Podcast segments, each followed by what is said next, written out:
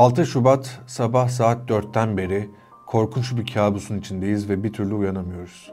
Yıkılan binalar, atılan çığlıklar, dökülen gözyaşları. Söylediğimiz hiçbir şey neler hissettiğimizi anlatmaya yetmiyor. Gelişmiş ülkelerde bu denli büyük bir yıkıma sebep olmayan depremler Türkiye'de neden on binlerce insanın hayatını kaybetmesine yol açıyor? Sorunun cevabı aslında basit ama kısa değil. Liste uzun. Ama şunu en başta söyleyelim. Listede kader diye bir kelime yok. Olanlar hep oldu. Evet Bunlar kader planının içerisinde olan şeyler. Daha açık ifade etmek gerekirse yaşadığımız yıkımla kader arasında hiçbir neden sonuç ilişkisi yok. Kader lafı ise sadece ülkeyi yönetenlerin ve bu düzenden haksız kazanç sağlayanların kendilerini aklamak, sorumluluktan kaçmak için ürettikleri bir palavra. Peki kader değilse bu yıkımın sebebi ne? Bu video serisinde Türkiye'de kurulan çarpık inşaat düzenine yakından bakacağız. Tüm veçeleriyle en başından ve en yalın şekilde anlatmaya çalışacağız. Sistem nasıl işliyor? Eksik ve hatalar nerede? Kimler haklı, kimler haksız kazanç sağlıyor? Bu sistem, bu düzen neden değişmiyor? Hepsini cevaplayacağız ama en sonda söyleyeceğimizi ilk başta söyleyelim. Her yere yayılmış sistematik bir kötülük inşaat sektörü üzerinden devasa miktarda haksız kazanç elde ediyor. Ve buradan aldıkları güç ile başta siyaset olmak üzere toplumsal hayatın ve ekonominin her alanını şekillendiriyorlar. Peki nasıl? Hadi başlayalım.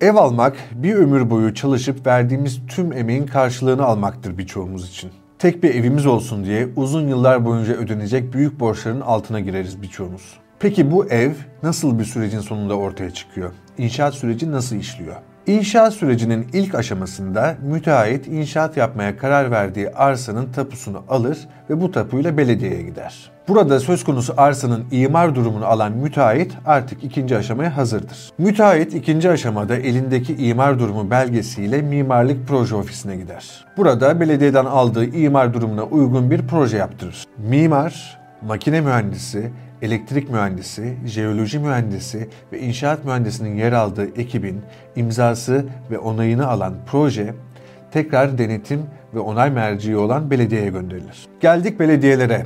Süreçte belediyelerin sorumluluğu ne? Normal süreçte ilçe belediyeleri inşaat yapımına ilişkin olarak Çevre ve Şehircilik Bakanlığı'nca hazırlanmış yönetmelikleri uygular.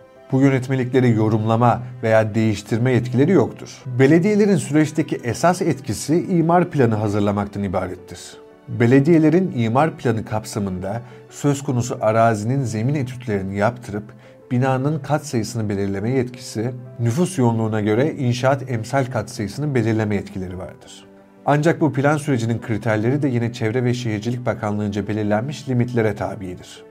Burada belediyelerin doğrudan etkili olduğu temel konu zemin etütlerinin doğru yapılmış olması.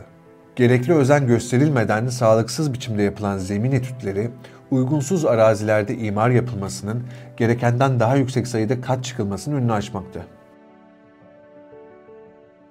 Peki hazırlanan projede imzası olan mühendis ve mimarların sorumluluğu var mıdır? Evet vardır. Projedeki hesaplamaların veya projedeki diğer bilgilerin eksik veya hatalı olmasından tıpkı belediyelerin sorumlu olduğu gibi projede imzası bulunan mühendisler ve mimarlar da sorumludur. Ancak projenin oluşturulmasından sonra inşaatın uygulama sürecindeki eksik ve hatalardan sorumlu değillerdir. Peki belediyeler dışında iktidarın, hükümetin, ilgili bakanlıkların süreçteki rolü ne? Normal süreçte ikinci aşamada anlattığımız gibi müteahhit imar planına uygun olarak bir proje hazırlatıyor. Ancak müteahhit süreci tersten işleterek mimarlık ofisine hazırlatmış olduğu ve imar planına uygun olmayan bir proje ile ilçe belediyesine gidip imar planının değiştirilmesi için başvuruda bulunabilir. Bu durumda ilçe belediyesi mevcut imar planına uygun olmayacak şekilde değişikliğe onay verebilir. Örneğin mevcut imar planı delinerek kat artırımına onay verilebilir. Planda yapılan değişiklikler belediye meclisince onaylanarak yürürlüğe girer. Eğer ilçe belediyesi talebi kabul etmezse veya onaylamazsa işte burada bakanlık devreye giriyor. Bu durumda ilgili imar dosyası Çevre ve Şehircilik Bakanlığı'na gidebilir. Şimdi geldik üçüncü aşamaya. Gerekli koşulları sağlayan, belediyeden inşaat ruhsatını alan müteahhit inşaatını yapmaya başlıyor.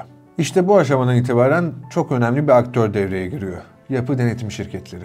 Özel şirket statüsünde olan bu kuruluşlar inşaatın her aşamasını denetlemekle yükümlü. Peki bir inşaata hangi yapı denetim şirketinin bakacağı nasıl belirleniyor? Eskiden inşaat şirketleri kendi yapı denetim şirketlerini seçiyordu. Ancak 2019 yılında bu düzenleme değişti. Artık kura usulüyle otomatik atama yapılıyor.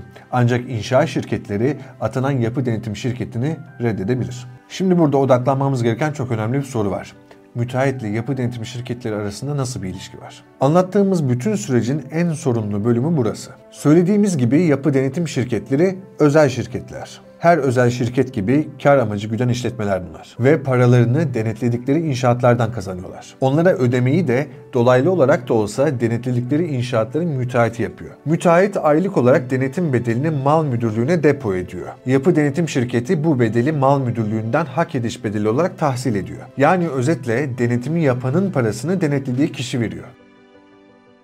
Ancak tek sorun bu değil. Denetim firması denetlediği inşaatı hatalı imalat nedeniyle her an durdurabilir. Durdurduğu zamansa hak ediş bedelini tahsil edemez. Veya müteahhit nakit akışındaki sıkıntı sebebiyle inşaatı durdurursa, durdurulduğu süre boyunca da denetim firması yine hak ediş bedelini tahsil edemez. Denetim firması duran inşaattan tahsilat yapamadığı durumda denetleme görevinden istifa etmediği sürece başka bir inşaatın yapı denetim görevini de üstlenemiyor. Yani başka bir ifadeyle söyleyelim. Denetim firması denetlediği inşaatın her ne sebeple olursa olsun durması halinde gelirini tahsil edemiyor. Eğer denetlediği proje görece büyük bir proje ise ki kura usulüyle atandıkları için projeyi seçme opsiyonları da yok. Elindeki büyük projeyi kaybetmemek için denetim firmaları türlü türlü gayri yasal usulleri devreye sokabilir. Çünkü mevzuat yapı denetim şirketlerinin para kazanmasını denetledikleri inşaatın aksamadan devam etmesine bağlamış durumda. Peki yapı denetim şirketleri bir denetimden geçiyor mu? Hayır.